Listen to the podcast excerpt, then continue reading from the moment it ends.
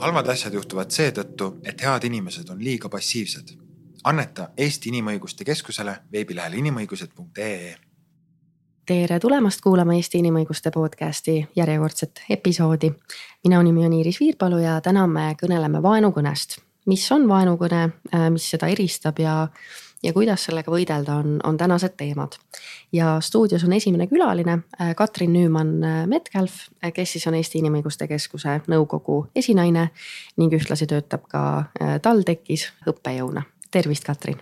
tere ehk tutvustaksid alguses oma seotust vaenukõne teemadega, et oled, oled ka keskuses nõukogu liikmena toimetamas ja, ja, ja kuidas, kuidas oled vaenukõnet uurinud?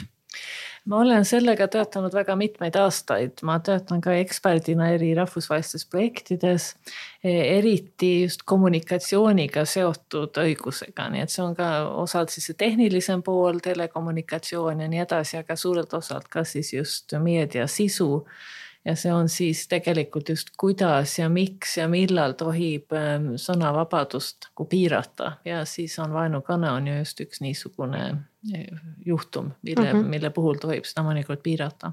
et ma olen seda uurinud eri riikides, ma olen sellest kirjutanud ka nii-öelda akadeemiliselt, aga ma olen ka siis äh, andnud nõu eri riikides seadusandluse suhtes selle kohta. selge ähm, just äh, seesama kommunikatsiooni valdkond, kas nüüd äh, seoses meedia muutumisega ja sotsiaalmeedia tulekuga ja sellega, et meil on väga palju online formaadis ajakirjandust. kas just sellega seoses on vaenukõne rohkem kuidagi esile tõusnud või, või rohkem teemaks tulnud? Tegelikult on olnud teema juba varem, aga mis on väga palju muutunud, on see, et varem olid ju siis ajakirjanikud siiski nii-öelda professionaalid ja mitte ainult ajakirjanikud ei saa muidugi vaenukõne teha, aga varem oli nii, et, et kuskil seda levitada, ükskõik mis kõne head või halba, siis oli vaja, kas siis ütleme, et kuskile raadiosaatesse saada mm -hmm. või ajakirjandusse või nii-öelda mingit moodi saada avalikkuse ette.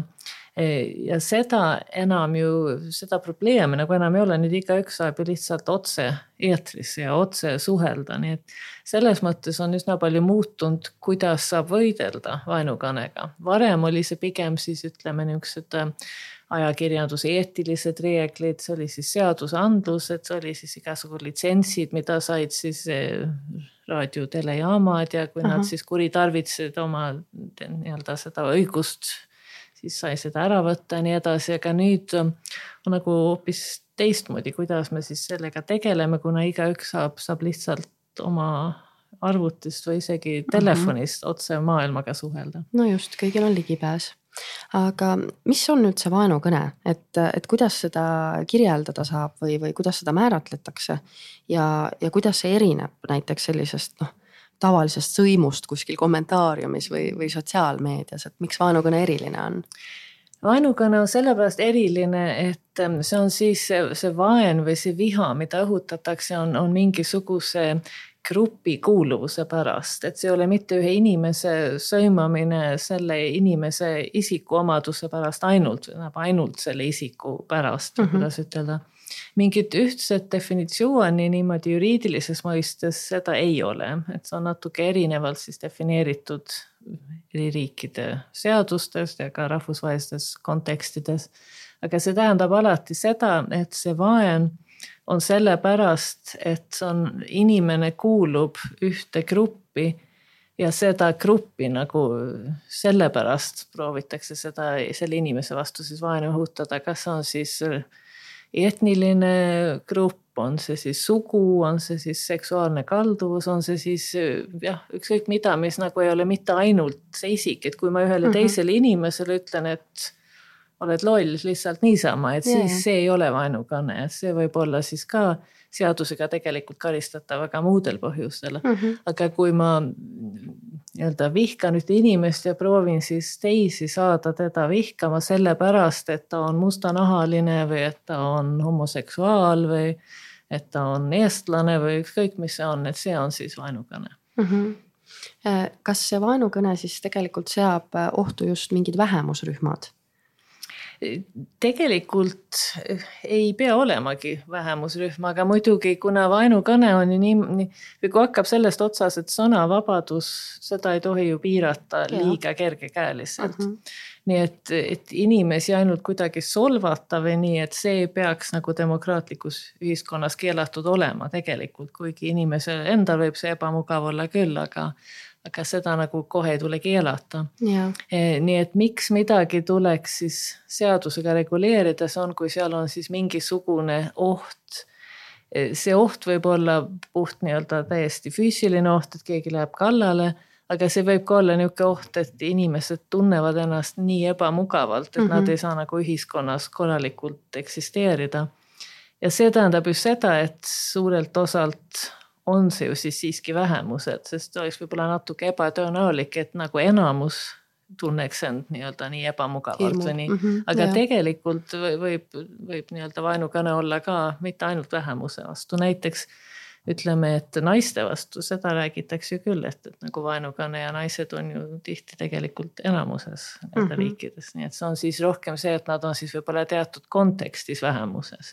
nii et, et see ei ole mitte nii selge, just sellepärast ei ole võib-olla niisugust täpset definitsiooni, et kelle vastu või nii, sest see võib olla väga erinev eri riikides, eri aegadel, eri kontekstides mm. -hmm. Ähm kuidas seda vaenukõne levikut on, noh, natuke rääkisime siin juba ka meediast ja, ja kommunikatsioonist, aga, aga kui nüüd vaadata just sellist sots, sotsiaalmeediat ja, ja kuidas seal siis inimesed, kas anonüümsete kontodega või lausa oma nime alt siis kirjutavad inimeste seintele, kirjutavad nende postituste alla. et, et kuidas see sotsiaalmeedia nüüd on vaenukõnet mõjutanud, kas seda on uuritud ja, ja kuidas sa seda kommenteeriksid? On mõjutanud muidugi just seesama, mida ma juba ütlesin, et, et palju lihtsam on, et selles mõttes inimesed võib-olla kahjuks leiavad palju rohkem võimalusi nii-öelda oma vaenukõnet siis levitada ja eriti on ju ka organisatsioone, täitsa lausa poliitilisi parteisid, kellel on võib-olla nii-öelda oma, isegi oma kontod, mille kaudu just seda, seda tehakse, et, et levitatakse niisugust vaenukõne. on ka näha muidugi teatud katseid midagi selle vastu teha. näiteks on üsna tuntud ka rahvusvaheliselt see Delfi kaasus, Delfi Eesti vastu inimõiguste kohtus mõned aastad tagasi mm, -hmm. mis oli siis interneti kommentaaride kohta, see ei olnud nüüd tegelikult vaenukõne, see yeah., see ei olnudki vaenukõne, see oli siis ühe isiku nii-öelda solvamine aga see, mida kohus nagu üldisemalt seal ütles, et, et need, kes siis annavad võimaluse kommentaare või ükskõik, mis see siis on, levitada, et nad mm -hmm. peavad ka teatud mõttes vastutama. Eh, nüüd üsna hiljuti on ka näiteks Facebook teatanud, et nemad hakkavad rohkem läbi vaatama, mis, mismoodi siis seal tegeletakse vaenukõne ja tegelikult nad on juba kaua võtnud maha asju, mis võiks olla vaenukõne, aga nüüd nad on, et nad hakkavad vaatama seda protsessi, kuidas neid asju maha võetakse natuke rohkem, sest on olnud võib-olla liiga palju teatud isikud, kes istuvad ja vaatavad siis ja kuulavad ja siis lihtsalt võtavad maha ja võib-olla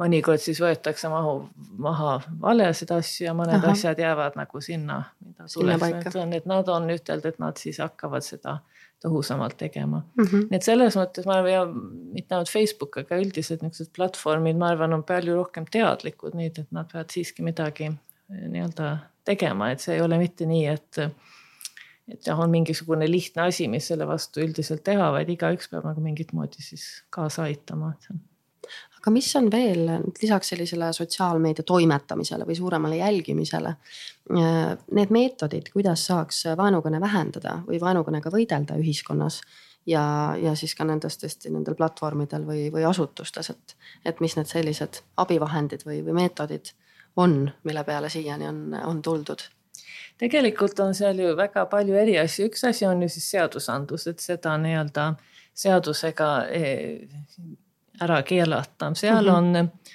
kui vaatab rahvusvaheliselt, siis on üsna suuri erinevusi, kui üldiselt Euroopas on eh, rangemad reeglid, kus keelatakse vaenukõne, rangemad ka kui need, mis praegu Eestis on.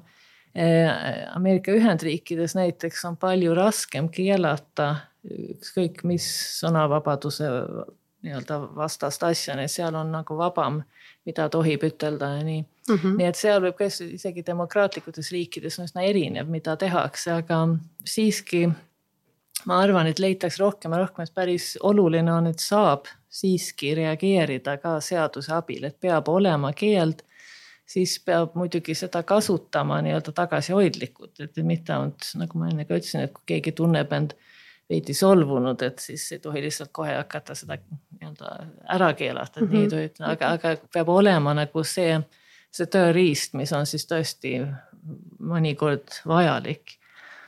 teine asi on muidugi see on mingit moodi ainult siis teatud väheste juhtumite suhtes saab ju seda kasutada, et muidu on igasugune haridus koolis juba ja siis ka, et ühiskonnas räägitakse sellest ja siis nii-öelda ütleme näiteks poliitiliste organisatsioonide niisugused eetilised reeglid ja nii yeah.. aga kahjuks peab ütlema, et see läheb ju tegelikult aina hullemaks, et mm, -hmm. et mhm. mingit moodi see peaks olema nii, et kõik õpetavad enda pooldajatele, et ükskõik, kus teile midagi ei meeldi, aga te ei tohi lihtsalt kasutada seda niisugust retoorikat, retoorikat mm -hmm. ja te ei tohi nagu täpselt ei tohi mitte nagu õhutada vaenu, te peate arutada, nii, aga tegelikult peab ütlema, et seal on ju läinud iga aastaga tegelikult läheb hullemaks. aga nii, et aga ma jah, kahjuks ega midagi muud väga teha ei ole ja koolis juba võib-olla ka natuke õpetada seda, et mismoodi suheldakse ja nii, et, et seal ma ei oska ütelda, kas see läheb halvemaks või paremaks või nii, aga, aga ega kahjuks väga märgata ei ole, et sellest nii suurt kasu oleks, võib-olla on lihtsalt mingit moodi nii ahvatlev niisugune rohkem ekstreemne kõne, et mm -hmm. jah, võtab üle natuke. jah kuidas Eestis on, on juriidiliselt äh, vaenukõnega, äh, kuidas, äh, kuidas see on reguleeritud ja kas üldse? ja, ja millised on need sellised õiguslikud vahendid, et, et vaenukõnega võidelda Eestis? põhiseaduses on siis vaenu, vaenu õhutamine on keelatud ja karistusseadustikus on, on ka keeld olemas. see probleem ja miks Eestis on, on võib-olla inimesed on pannud tähele ka, et on arutatud natuke ja näiteks Inimõiguste Keskus on juba aastaid soovitanud, et peaks seda muutma. see on sellepärast, et see on ainult keelatud, kui tal on nagu üks tagajärg, et see inimene, tal on nagu mingi tegelik oht, et see õhutamine iseenesest, et seda nagu tegelikult karistada ei saa okay.. ja see tähendab seda, et see on väga raske seda üldse kasutada ja seda näitab praktika, et see väga-väga vähesed juhtumid on, on üldse, kus mm -hmm. seda paragrahvi saab kasutada. ehk siis sekkuda praeguses juriidilises olukorras saab justkui siis, kui inimene päriselt läheb, viskab äh, kiviga tänaval või, või kellegi. jah, enam-vähem, kui natuke niimoodi ekstreemselt ütelda, siis peab enne ootama, et keegi on ka hakanud peksma seda inimest, keda ta mm -hmm ütles, et peaks peksma ja siis Aha. umbes võib ütelda, et vaat nii ei tohtinud teha, et vaat peksidki, aga, aga et, et nii-öelda sõimatakse ja kutsutakse üles teisi kedagi nii-öelda peksma või midagi, et see on mm -hmm. väga raske praeguse seadusandlusega. aga see ei tähenda mitte seda, et ei oleks, nagu öeldud, isegi põhiseaduses on keelatud vaenu ja, ja vägivalla õhutamine, nii et mm -hmm eks seal on ka võimalus on nagu ole, on olemas, kui nüüd asi tõesti hulluks läheb, aga ta ei ole nii selge ja seal on kahjuks ähm, just selle aasta algul siis ähm, justiitsministeerium nii-öelda avalikult ütles, et nad enam ei tegele sellega, nii et mm -hmm. varem oli neil see plaan, kuigi midagi ei juhtunud, aga vähemalt plaan oli, aga nüüd ei ole enam isegi seda plaani ega selle valitsusega suurt lootust ei ole arvatavasti. ja, ja teema on, teema on vaikselt kõrvale pandud. selge, aga aitäh, Katrin Nüümann-Metkelf täna stuudiosse tulemast ja, ja vaenukõne tausta ja avamast ja sellest teemast rääkimast mm,. aitäh. halvad asjad juhtuvad seetõttu, et head inimesed on liiga passiivsed.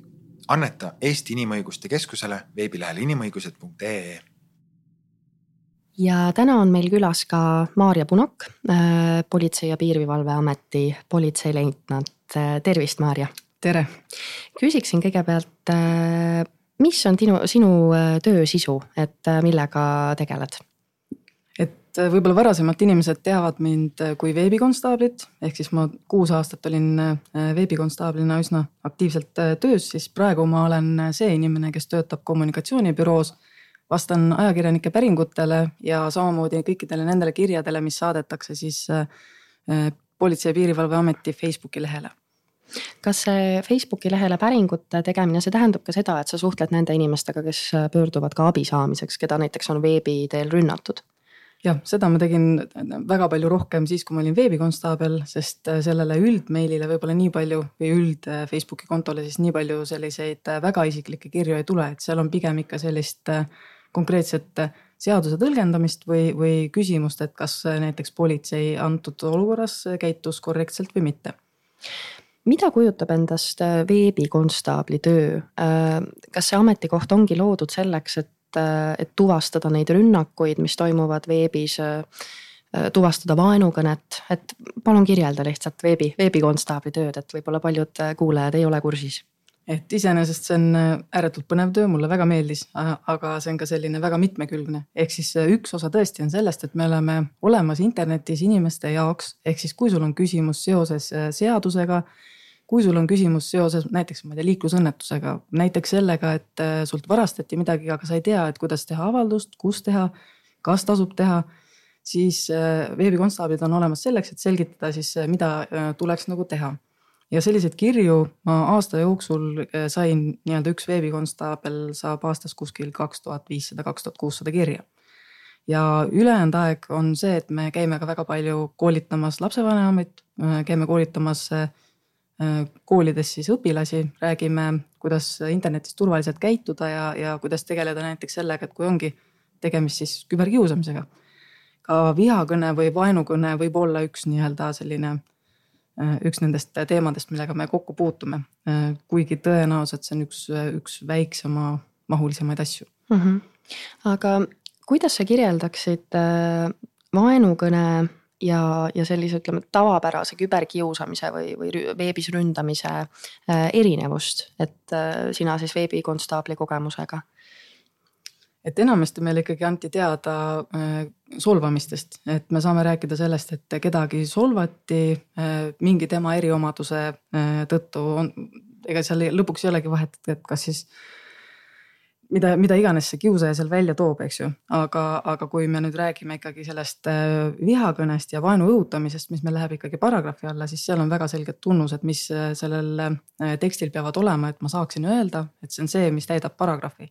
Ehk siis seal peab olema ikkagi nii-öelda väga selge üleskutse, väga selge oht inimese elule, tervisele, varale ja, ja kõik see sinna juurde kuulub. et selliseid ähm, tekste on oluliselt vähem kui sellist üleüldist. no ma ei teagi, ma ise ütlen selle kohta alati, et nagu vaenulik kõne, et see ei ole mm -hmm. vaenukõne, see ei ole vihakõne, see on, see on selline vihane kõne, kus sa lihtsalt kellegi kohta ütled väga halvasti ja enda arvates avaldad arvamust, aga, aga ülimalt inetul moel. Aga kas vaenukõne ja ütleme, selline küberkiusamine ohustab mingeid konkreetseid gruppe rohkem? ja seal on küsimus on nii gruppides kui ka selles, et milline on see inimene, äh, kelle suunas seda, äh, on see vaenukõne, vihakõne, solvamine, ähvardamine tehakse, et tegelikult äh, on võib-olla gruppe, kelle suhtes tehakse seda võib-olla rohkem. on see siis näiteks seksuaalvähemused, on see need inimesed, kellel on teistsugune nahavärv. ehk siis see on midagi sellist, mida on, millest on kerge kinni hakata sellel inimesel, kes tahab pahatahtlikult käituda aga samamoodi, kui me koolis vaatame, et need noored, kes võib-olla ei oska enda eest seista ja nad, neid kiputakse sellepärast kiusama, et noh, neid on kerge kiusata selle kiusaja arvates tõenäoliselt. kas sa saaksid tuua ka mingeid konkreetseid näiteid nendest juhtumitest, millega veebikonstaablid on või sina ise olete kokku puutunud? No näiteks sellised näited, mis meieni jõuavad, on see, et kui kellegist on tehtud meemid ehk siis äh, sa oled kasutanud tema pilti ja pannud sinna väga alandava teksti peale kõik sellised näited, mis toimuvad inimeste postkastides, ehk siis meil on lihtne reageerida, kui see asi on kuskil avalikus grupis üleval, me saame seal sõna võtta, ma, olen seda täiesti noh, ka korduvalt teinud kirjeldanud inimestele, mis on nagu rikkumine, mida ei tohi teha, kuidas peaks nagu käituma edaspidi ja need asjad kõik on maha võetud uh. -huh. Aga, aga just seesama, et kui need sellised mm, nagu need tekstid saadetakse läbi Ähm, kinniste gruppide äh, või siis kellegi postkasti või siis nii-öelda jällegi anonüümselt äh, läbi, äh, ma ei tea, Whatsappi või kuidagi niimoodi, et noh, et, et see ei jää mitte kellelegi teisele silma, see on ainult selle inimese enda nagu käes ja ainult tema teab, et talle niimoodi öeldi mm -hmm. peale selle ütleja. et äh, selliseid juhte ikkagi saadetakse, et aga neid, neid ma, ma ootaksin rohkem, mitte see, et ma ootaksin, et äh, sellist kiusamist oleks rohkem, aga lihtsalt seda, et sellist teavitamist, sest äh, meie jaoks neid teateid tuleb vähem kui kord kuus ja mm, -hmm. ja see ei ole okei okay.. sest ma usun, et sellist õelutsemist on tõenäoliselt palju rohkem ja, ja kui me teaksime rohkem, see ei tähenda seda, et me peame kelle, kedagi menetlema hakkama, et me peame kellelegi mm -hmm. trahvi tegema, aga meil on oluline omada ülevaadet, et kus meil see probleem on Yeah. milline see probleem on mm? -hmm, absoluutselt, sest on ju ka juttu olnud, et on sellised konkreetsed äh, seltskonnad näiteks sotsiaalmeedias või, või kinnised grupid, kus äh, tegelikult äh, noh, sisu, sisu ongi, kas siis ütleme välismaalaste pihta vaenu õhutamine, mingid fotode tegemised, üleskutsed ründamisele ja nii edasi, et, et tegelikult see on nagu probleemiks. jah, et sellistest gruppidest ka tasub teada anda, et jällegi meil on väga oluline teha vahet, eks ju, kus inimesed avaldavad arvamust ja arvamuse avaldamine äh, on lubatud, äh, aga loomulikult teatud piirideni, ehk siis, et andke meile see võimalus, me vaatame need grupid üle ja hindame olukorda. kui vaja, ma ei tea, näeme, et, et kohe ei ole vaja sekkuda, vaatame, kuidas asi edasi areneb. sest tihtipeale ikkagi ka nendes gruppides, mis on nagu vaenulikud äh, lepitakse kokku mingid reeglid, millest kõik nagu kinni peavad, sest ega keegi ei taha, et ka sellele grupile ju tegelikult mingi pahandus tuleks nii et kui võib-olla, kui me räägime sellest ajast, kui oli, kui oli see vaosündmused ja uh -huh. kui mhm. meil oli väga palju selliseid äh, lehti, kus inimesed avaldasid arvamust äh, põgenike ja pagulaste äh, suunas. siis sellel ajal tegelikult oli gruppides oli algul väga teravaid väljaütlemisi ja väga sellised väga piiripealsed, aga, aga grupp hakkas ise ennast ka reguleerima -huh. ja need erinevad grupid ja, ja lõpuks see jah, me teame, millest nad räägivad, aga see ei ole ei kujuta ohtu ja ei ole nagu nii selline, kus me alati peaksime sekkuma. kuidas sa äh, kommenteeriksid sotsiaalmeedia mõju üldiselt vaenukõnele ja, ja sellistele äh, vaenulikele rünnakutele veebis, et kuidas see sotsiaalmeediakeskkond ja, ja sealne käitumine on, on üldse mõjutanud inimesi ja, ja seda probleemi? Mida rohkem on keskkondi, seda rohkem on nii-öelda võimalusi sellist äh, vaenukõnet teha, aga äh, viimaste ajade trend on ikkagi näidanud seda, et inimesed kolivad äh, rohkem kinnistesse keskkondadesse, mis tähendab seda, et et neid on nagu ka keerulisem tegelikult rünnata, ehk siis kui ma ei ole nii palju enam avalikult kuskil sotsiaalmeedias väljas, siis, siis ka sellel inimesel, kes ei ole minu tutvusringkonnas, on, on väga keeruline mulle vaenukõne osas nagu midagi teha mis muidugi ei välista seda, et ta ikkagi ütleb, ütleb seda oma lehe peal, oma konto peal ja, ja lihtsalt ei saada mulle. aga, aga see on muutunud ja, ja see on ka tulevikutrend on äh, mõnes mõttes politsei jaoks väga keeruline, sest me ei tea enam, äh, mis kuskil nendes kinnistes kohtades toimub. aga samas mõnes mõttes see võib-olla ka kaitseb mm. -hmm ehk siis oluline on ikkagi see, et inimesed äh, selle mure ja, ja nende konkreetsete juhtumitega ka politsei poole pöörduksid. Äh, kuidas seda teha?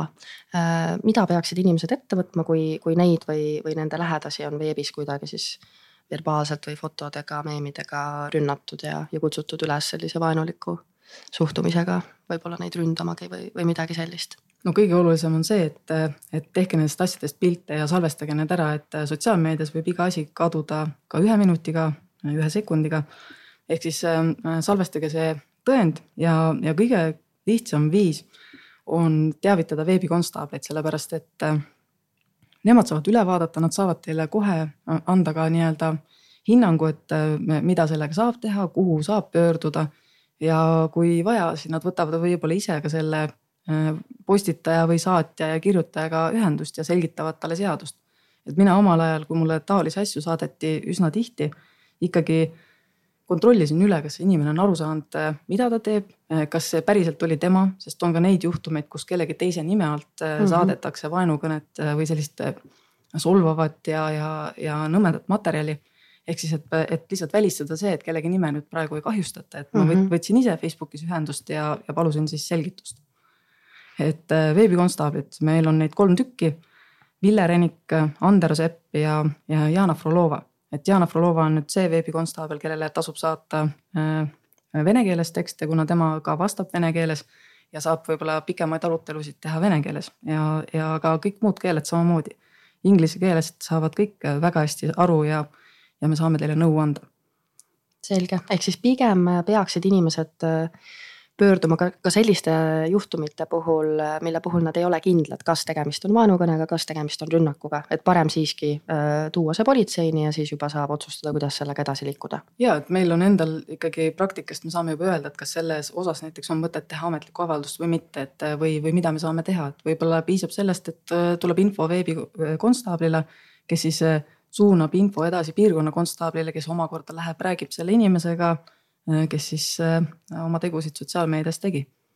selge, suur tänu, äh, Maarja Punak, politseileitnant täna vaenukõnest ja, ja veebipolitseiniku tööst rääkimast.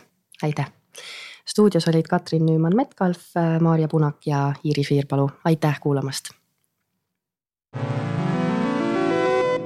halvad asjad juhtuvad seetõttu, et head inimesed on liiga passiivsed. anneta Eesti Inimõiguste Keskusele veebilehel inimõigused.ee